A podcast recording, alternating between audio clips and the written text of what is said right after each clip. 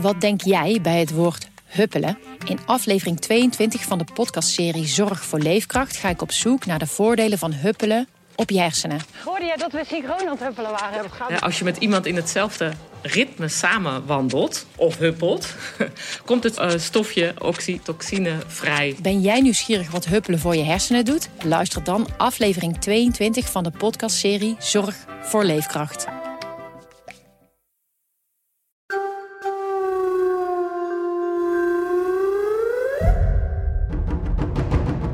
VVD en de groep de Mos staan fucking alweer buiten de poort. Dat kan toch niet? Maar toen ging het hier helemaal mis op het stadhuis. Dat is ook waarom ik het OM echt super kneuzerig vind. Ze gaan er echt voor. Beluister de nieuwe afleveringen van O de Mos op ad.nl slash podcast of via je favoriete podcast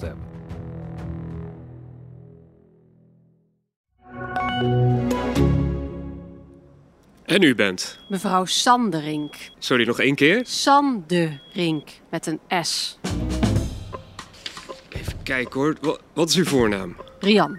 Wat? Jan? Nee, Rian. Oké, dus u bent mevrouw Rian Sanderink? Het is een verwarrende conversatie bij de rechtbank Dordrecht. Daar meldt zich op woensdag 1 februari, s morgens om kwart voor negen, Rian van Rijbroek. Of, zoals ze de bodem meteen duidelijk maakt, Rian Sanderink. Want met die naam wil ze voortaan worden aangesproken. En daar heeft ze recht op, want Rian is getrouwd. Vier jaar lang ging ze door het leven als de vriendin van.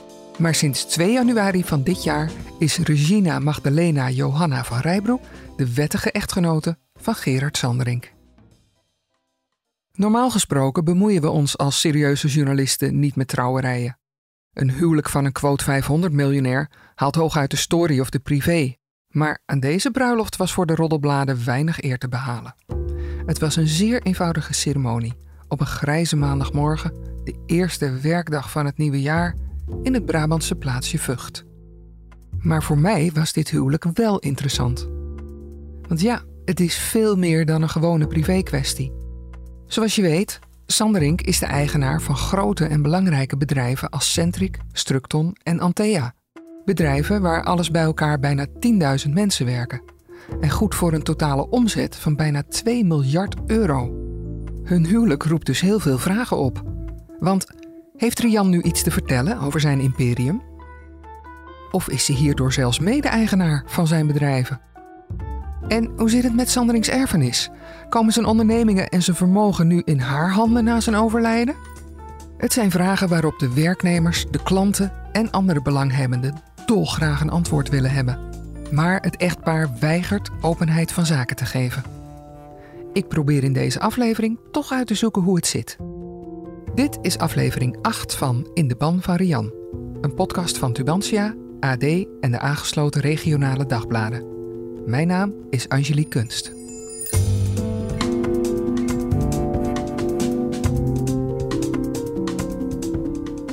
Gerard Sanderink had jarenlang geen tijd voor de liefde. Ja, hij was wel getrouwd, maar dan met zijn werk. In 1999, hij is dan 51 jaar, vertelt hij over zijn bizarre werkdagen aan journaliste Harmke Pijpers. Hoe ziet de dag eruit?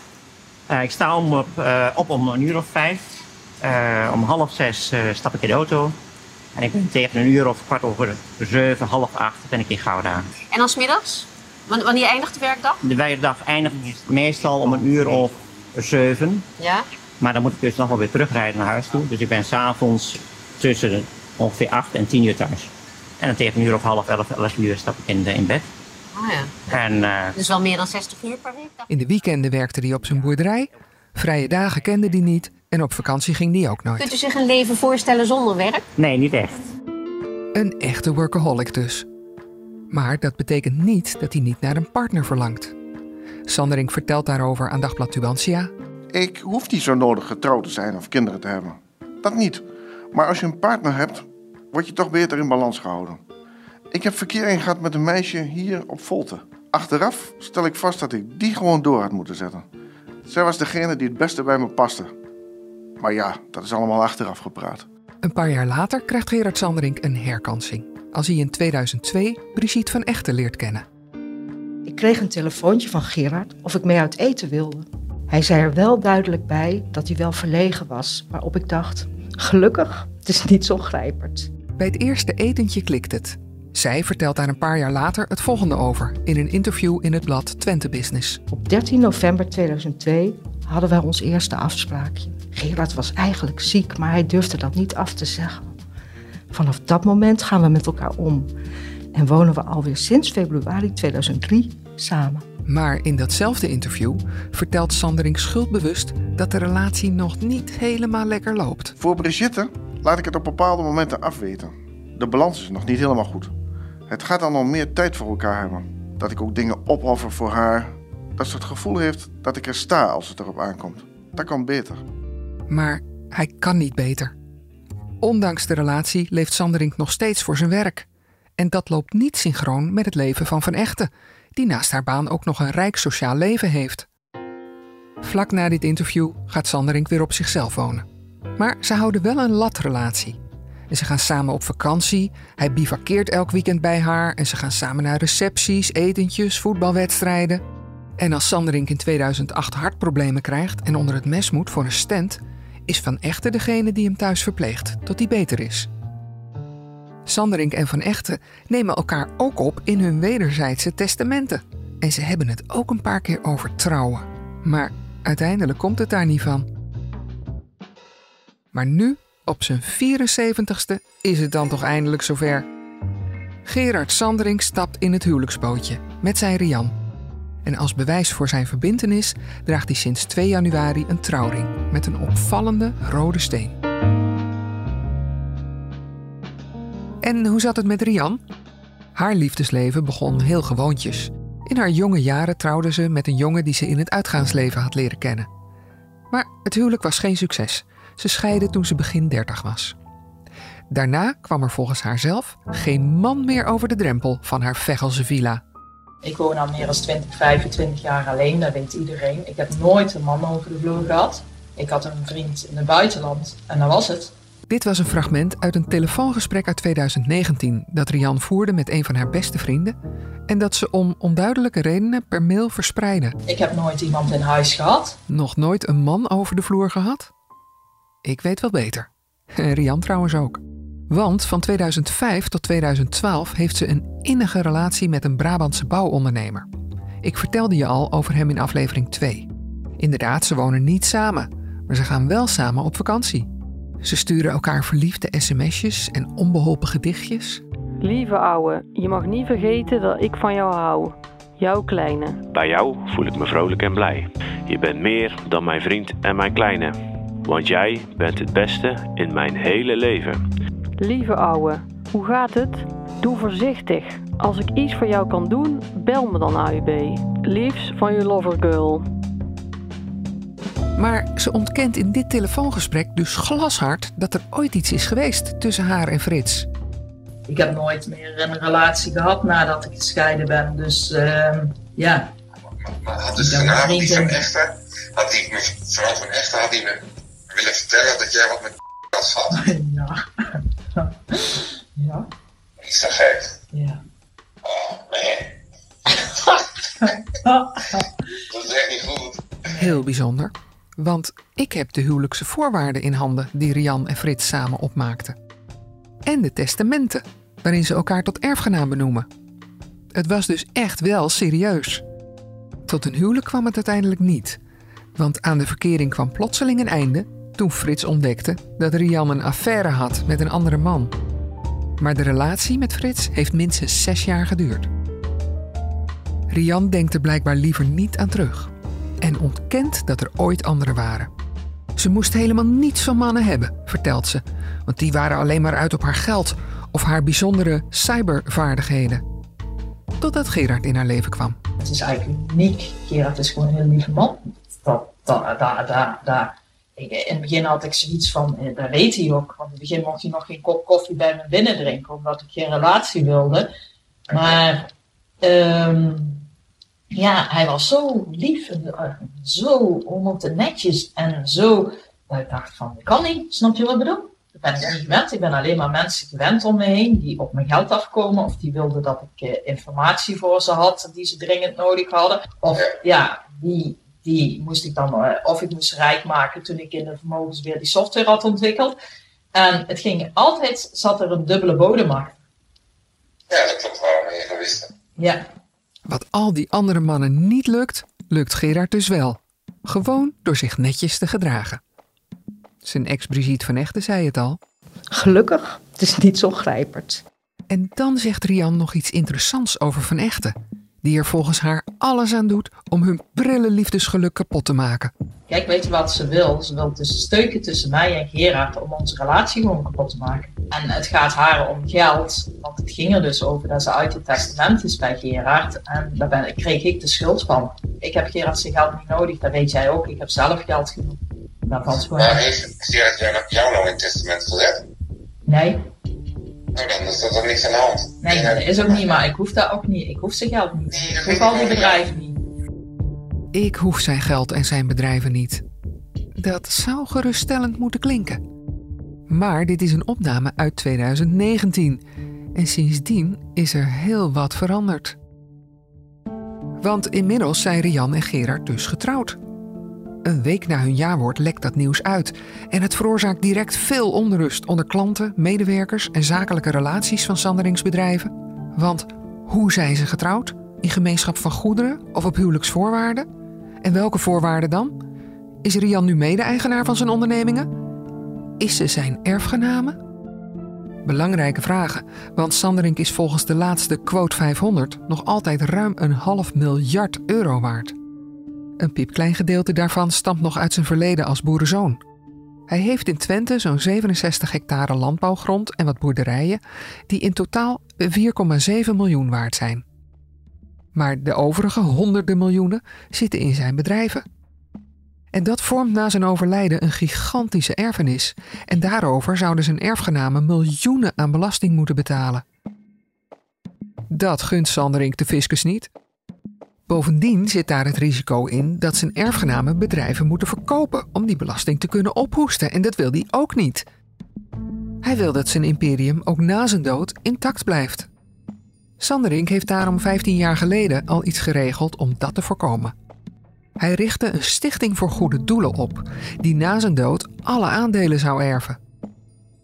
Zo'n stichting is vrijgesteld van erfbelasting, dus de Belastingdienst heeft mooie nakijken.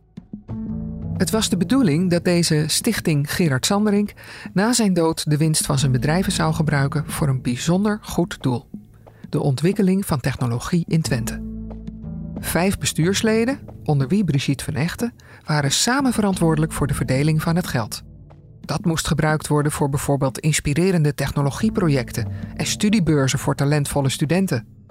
In 2014 zei hij hierover tegen RTV Oost. Ik hoop dat er een, een goede uh, zeg maar, gemeenschap qua bedrijf ontstaan is. Dat er een bloeiende industrie is. Dat er mensen zijn die met recht in Twente zijn blijven wonen, omdat ook de leefomgeving mooi zeg maar, gebleven is. Want dat vind ik zeker in Twente. Maar dat er een combinatie is van een mooie leefomgeving met een goede industrie en met een goed inkomen. En dat de mensen zeg maar, uh, het, het beter hebben dan ze het op dit moment hebben. Maar we weten inmiddels dat er een kink in de kabel kwam. Want zijn relatie met Brigitte van Echten liep in 2018 op de klippen. En hij wilde daarna niet meer dat ze ook nog maar iets te vertellen had over zijn nalatenschap. Maar Van Echten vertikte het om vrijwillig op te stappen uit die stichting Gerard Sanderink. En dus kwam er een plan B. Er kwam een nieuwe stichting. Met nieuwe bestuursleden. En in deze nieuwe Stichting Technology and Cybersecurity Gerard Sanderink kreeg zijn nieuwe vriendin Rian van Rijbroek een hoofdrol. Ze werd penningmeester. De nieuwe stichting had dezelfde doelstelling als de oude, dus eigenlijk bleef alles zoals het was. De miljoenenerfenis van Gerard Sanderink was nog altijd bestemd voor Twente. Maar toen hij op 2 januari van dit jaar trouwde met Rian, bleek alles te veranderen. Want in februari ontdek ik dat allebei de erfenisstichtingen kort na elkaar zijn opgeheven. En een nieuwe stichting is er niet. Dus die miljoenenerfenis gaat in elk geval niet meer naar Twente. En nog een week later zie ik dat er een aantekening van hun huwelijk is gemaakt in het openbare huwelijksgoederenregister. Dat betekent dat ze niet in gemeenschap van goederen, maar op huwelijksvoorwaarden zijn getrouwd. Hoe die voorwaarden eruit zien is helaas niet openbaar. Maar ik zie daar wel op welke datum ze bij de notaris zaten om dit te regelen. Dat was op 28 december. Laat die datareeks nog even op je inwerken. Op woensdag 28 december zitten ze dus bij de notaris voor het tekenen van de huwelijkse voorwaarden. Drie dagen later, per zaterdag 31 december, heffen ze de Stichting Technology and Cybersecurity Gerard Sanderink op. En nog eens drie dagen later, op maandag 2 januari, trouwt Gerard met zijn Rian. In nog geen week tijd is alles anders geworden.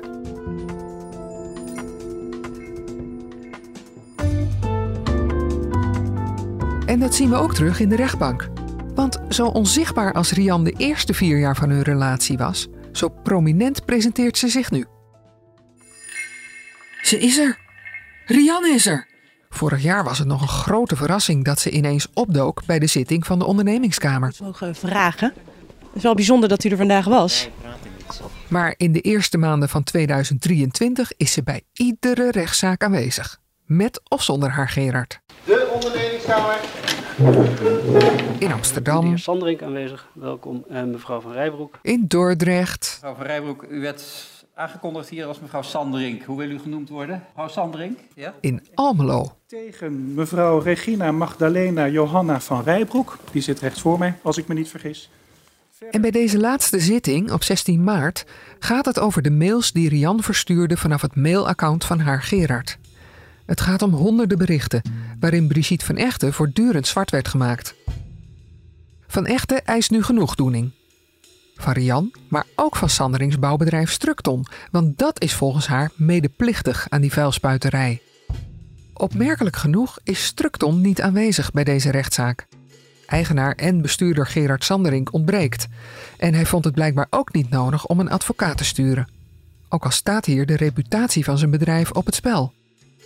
Rian is er wel, met haar nieuwe advocaat, meester Yves Vlassenrood. Meester Vlassenrood voor uh, mevrouw en de drie. En vanaf het begin van de zitting doen zij er alles aan om de zaak te frustreren. Uh, en ik wil het ook nog hebben over de communicatie die wij hebben gevoerd over de afspraken die zijn gemaakt of die zouden zijn gemaakt tussen uh, meester van Tilborg en de president.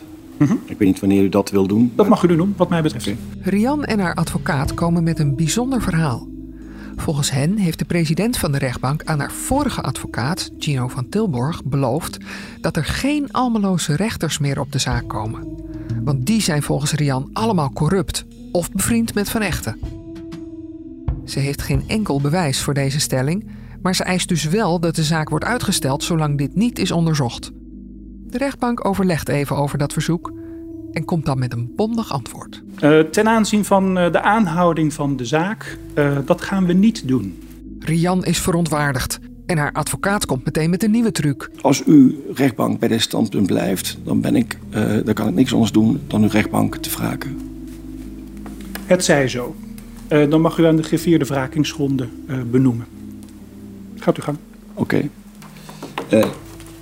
De wrakingsgrond is, is dat uh, de rechtbank. De rechtbank wraken, dat wil zeggen dat je geen vertrouwen hebt in een eerlijk oordeel van de rechters. Als zo'n verzoek wordt gehonoreerd, krijg je dus andere rechters. Meestal duurt het weken voordat een wrakingsverzoek kan worden behandeld. Maar in Almelo blijken ze goed voorbereid. De wrakingskamer zit al klaar en gaat direct aan de slag. Bijna 40 minuten lang ondervragen ze alle partijen. Maar in essentie gaat het er toch om of deze drie rechters die hier zaten, of die bevooroordeeld zouden zijn, om het simpel ja, te zeggen. ik wil eigenlijk nog wel graag weten, want hebt u nog navraag gedaan bij... Het verbaast mij een beetje dat u dat niet nagevraagd heeft bij meneer Van Tilburg. Heb ik nou goed dat u eerst vandaag dit bezwaar nu maakt? Daarna moeten we met z'n allen op de gang wachten op de uitspraak. Rian staat in een hoekje driftig met haar wijsvinger op haar telefoon te tikken. En dan mogen we terug de zaal in. De vragingskamer is tot het oordeel gekomen dat de beslissing van de rechtbank hedenmorgen, dat dat een juiste beslissing is, dat de rechtbank die beslissing kon nemen. Dat betekent dat de uh, het vragingsverzoek wordt afgewezen en dat hiermee de zitting van de vragingskamer ook is gesloten. Oké, de vertragingstactieken van Rian hebben dus niet gewerkt en we gaan nu dan toch eindelijk beginnen aan de inhoudelijke behandeling van deze zaak. Goed, de griffier is er weer. Wij hervatten de behandeling. De rechter start de zitting, maar Rian onderbreekt hem. We mogen haar eigen stem niet gebruiken, dus je hoort een acteur. Partij Structon is onderweg. Dus die eh, wil graag bij de zitting zijn. Eh, nou, de zitting is al begonnen om half tien. Eh, dus partij... Partij Structon is binnen twee minuten binnen. Nou, dan eh, kan die aanschuiven als die erbij is. Partij Structon? Dat kan niet anders zijn dan Gerard Sanderink. En ik kan wel raden in wat voor humeur hij zal zijn. Advocaat Paul Tjam van Brigitte van Echten begint zijn pleidooi. Hoogbaar College. Gerard Sanderink was het trots van Twente. Een nuchtere boerenzoon die met een briljant zakelijk instinct leiding gaf. En dan, na een minuut of tien, Ten eerste, Schoots is lid van de raad van bestuur van Structon. Die bestond overigens uit slechts drie mensen. Schoots, Sanderink, daar zou je hem hebben. eh, eh, De deur van de zittingszaal vliegt open en Gerard Sanderink beent naar binnen. Je hoort een acteur, want we mogen zijn echte stem niet gebruiken. Meneer de voorzitter, de rechtszaak kan niet doorgaan. Daar zit een meneer die rechtstreeks contact heeft met de wederpartij. Die bij haar over de vloer komt. Die samen geweest is in Gambia. Sanderink wijst beschuldigend naar een van de rechters. Hij blijft martieren, ook als de rechter hem scherp onderbreekt. Als u geen partij bent, kunt u vertrekken. Maar Sanderink raast verder. Het is klaar. Ik laat me niet bedonderen door een stel rechters. Deze rechtszaak kan niet doorgaan. Het is afgelopen. De rechter reageert koeltjes. Deze rechtszaak gaat gewoon door. En Sanderink moet gaan zitten en zijn mond houden of hij belt de bode. Ik ga mijn mond niet houden. Dan belt u die bode maar. Als u niet meer in huis heeft dan de bode halen. Als u niet wat anders kunt. Die meneer daar. Die komt over de vloer bij me. Sanderink wil de rechtbank nog een keer wraken. Maar omdat hij geen advocaat is, kan dat niet. Het maakt hem razend. Het is klaar. En dit accepteer ik dus niet. Niet in deze zaal. Ja, meneer. U heeft smerige dingen gedaan. U bent de titelrechter niet waardig. Ik ga u onder ede verhoren en dan bent u aan de beurt. Dan mengt Rian zich in de strijd. Dit is gewoon een kansloze zitting en dat weet u ook. We hebben een klacht liggen van 79 pagina's, waarin de partijdigheid van de rechters die hier zitten aan de orde komt. En die wordt gewoon genegeerd door rechters van de rechtbank Almelo. Terwijl ons toegezegd is dat we geen rechters van de rechtbank Almelo meer zouden krijgen. Dit kan dus niet. Ze staat op, pakt haar spullen en buigt zich dan nog even naar de microfoon, zodat ze zeker weet dat we haar laatste woorden goed horen. We hebben hier toch geen kans van slagen, dus we gaan, Gerard. Maar Sanderink gaat nog even door. Hij zegt dat hij geen enkel respect heeft voor de rechtbank. Roept tegen de rechter dat hij hem weet te vinden. Noemt advocaat Paul Cham ook nog even een kleuter. Die antwoordt venijnig dat hij wel een kleuter is die van hem wint. Dan komen er twee vrouwelijke bodes binnen. Kalm en vriendelijk, maar uiterst beslist, pakken ze Sanderink bij de armen en leiden hem de zaal uit. Komt u maar. Is goed. Gaat u mee? Rian beent achter hem aan. Op de gang kibbelen ze nog even met de bodes, maar dan verlaten ze de rechtbank, hand in hand. Enigszins beduust vervolgen we de zitting. Kijk even naar meester Chiam. Kunnen we verder? Ja, we kunnen verder, sorry. Kunt u Liet me even zeggen- gaan, eh, dat had ik niet moeten doen. Kunt u even zeggen welk eh, randnummer u was gebleven? We hebben in deze affaire al veel rare dingen meegemaakt, maar dit sloeg werkelijk alles. Als een half uur later Rians advocaat Vlassenrood aan het woord komt, probeert hij duiding te geven aan wat we zojuist hebben gezien. Ik wil even iets over zeggen over, over de personen eh, van Rijbroek en, eh en Sanderink. Ehm, ik ken Sanderink nu anderhalve maand. Ik kan u vertellen, het is niet iemand die zich laat leiden. Het is een hele eigengerijde man. En als die van iets overtuigd is en hij vindt dat er onrecht wordt aangedaan, ja, dan wordt hij dan wordt hij heel vinnig. Dan, eh, dan is het zoiets van, het klopt niet. Hij is eh, eh, heel erg bezig met onrecht. En dan moet de ondersteen moet bovenkomen. En Dat ziet, ziet u ook hier vandaag gebeuren. Als hij binnenkomt, dan, dan gebeurt er wat met hem. En dan is hij ook niet tegen te houden. Ik heb verwoede poging gedaan om zijn komst te vermijden naar deze rechtbank. Want zijn komst was al aangekondigd. Ik heb geprobeerd dat tegen te houden. Dat lukt dus niet. Volgens Vlassenrood is Rian een heel ander type. Rian daarentegen, in tegenstelling tot alle verhalen die hier over haar worden verteld, is een hele lieve vrouw. Het is echt een hele lieve, zachtaardige vrouw. de dingen die haar worden aangevreven, die kloppen gewoon niet. En dat beeld is gewoon heel mooi, door de media is dat gewoon naar voren gebracht. Het is een lieve vrouw die, uh, die doet wat Gerard wil. Als Gerard zegt, we gaan nu een mail sturen naar die en die, dan doet Rian dat. En natuurlijk kun je dan afvragen van, moet zij daaraan haar medewerking verlenen? Want dat is natuurlijk de volgende vraag die opkomt. Moet je daaraan je medewerking verlenen? Moet je niet op een gegeven moment zeggen van, Gerard, we stoppen ermee met deze bullshit. We gaan ermee ophouden. We gaan geen mails meer sturen. Natuurlijk kan dat van haar worden verwacht. Maar uiteindelijk is het wel, moet je in staat zijn om op te treden tegen iemand als Gerard Sandrink. Iemand die zoveel aanzien heeft hier in Nederland, moet je maar het lef hebben om tegen iemand wat te zeggen waarvan je weet dat hij niet luistert. Hij zal dat nooit accepteren. En als je dan vervolgens ook nog met hem in een affectieve relatie zit, dan is dat verdomd moeilijk om op te treden tegen de wil van Gerard Sandrink. Terwijl ik op de laptop meetik met zijn woorden, probeer ik te analyseren wat Vlassenrood hier nou precies zegt. Volgens hem is Gerard Sanderink het boze brein achter de smeercampagne tegen Van Echten. En Rian is eigenlijk heel kwetsbaar en meegaand. Ze zou grote moeite hebben om op te boksen tegen haar eigen gerijde en beroemde echtgenoot. Dus als ik het goed begrijp, is zij slachtoffer van deze tyrannieke zakenman. Natuurlijk ben ik best bereid om deze keurige advocaat te geloven. Maar dit plaatje van een kwetsbare, hulpeloze vrouw laat zich moeilijk rijmen met het beeld dat Rian tot nog toe van zichzelf schetste. Weet je nog?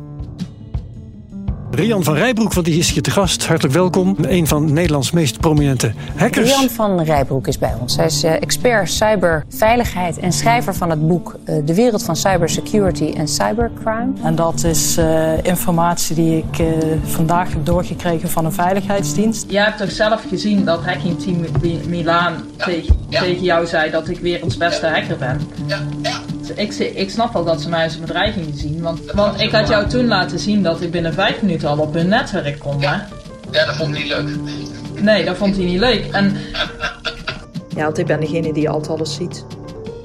Dus deze Wonder Woman, deze internationaal befaamde superhacker, deze vrouw die in opdracht van geheime diensten gevaarlijke opdrachten uitvoerde, die is niet opgewassen tegen de woedeaanvallen van Gerard Sanderink? Natuurlijk, niets is onmogelijk.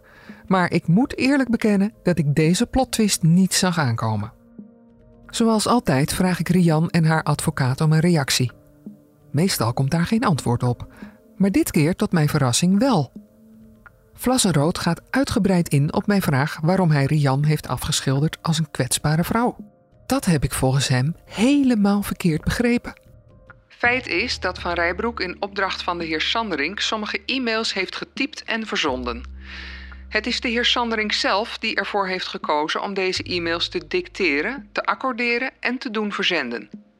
De activiteiten van Van Rijbroek kwalificeren zich dan ook als secretariële werkzaamheden voor Sanderink. Er is een gezagsverhouding en Van Rijbroek wordt betaald voor haar secretariële diensten. Om die reden, maar ook vanwege de affectieve relatie, was Van Rijbroek in het geheel niet in de positie om invloed uit te oefenen op Sanderink. Het was voor haar niet mogelijk om haar medewerking aan het verzenden van de e-mails te onthouden. Dat betekent evenwel niet dat ik Van Rijbroek zou hebben afgeschilderd als een kwetsbare vrouw. Dat is dan bij deze rechtgezet. Nou ja, het waren dus roerige wittebroodsweken voor het kerstverse echtpaar. En er lijkt voorlopig geen einde aan te komen.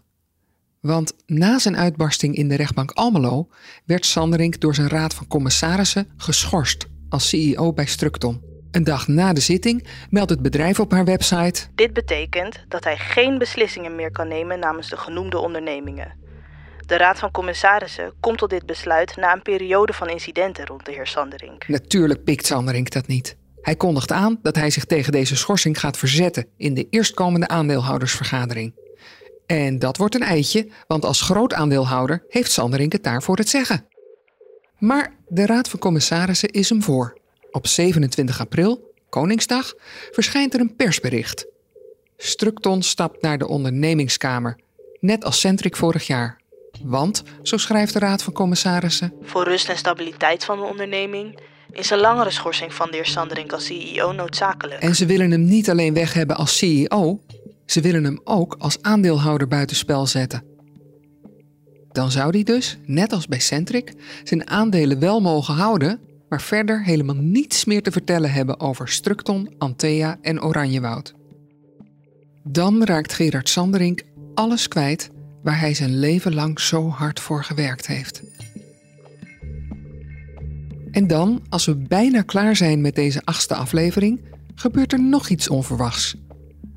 Zoals altijd heb ik Sanderink om wederhoor gevraagd, maar de afgelopen drie jaar kreeg ik nooit antwoord van hem.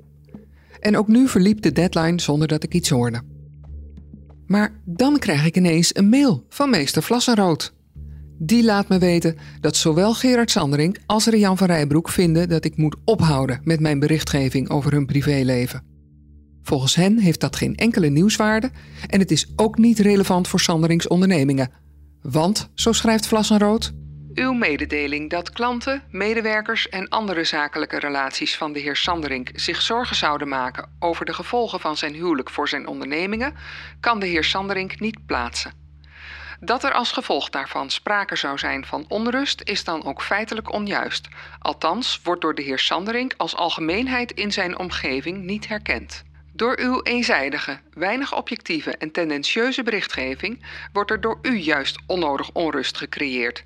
En mogelijk maakt u daarmee misbruik van uw positie om bepaalde onjuiste conclusies uit te lokken, ten einde nieuws te creëren die de heer Sanderink en zijn vennootschappen beschadigen. Ik verzoek u dit na te laten. Ook de woedeaanval van Sanderink bij de rechtbank Almelo vindt Vlassenrood verklaarbaar. De rechtbank was niet bereid tot een nader onderzoek naar een mogelijke toezegging van de president van de rechtbank over welke rechters de zaak zouden behandelen.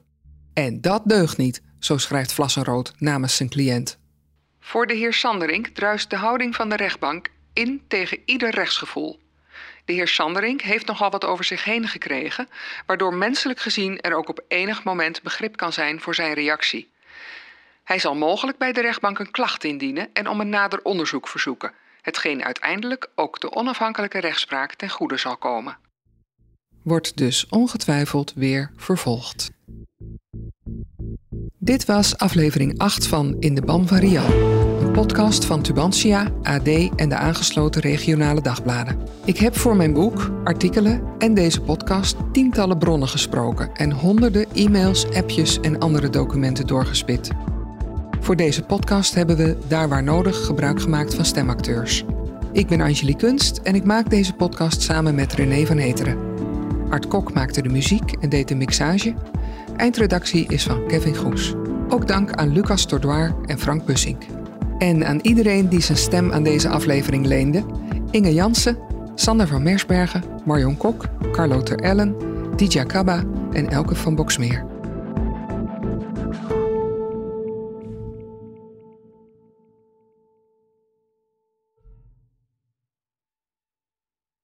De politie is woensdagmorgen opnieuw binnengevallen bij camping, Camping Fort Fort Oranje. Oranje tussen Breda en Rijsbergen.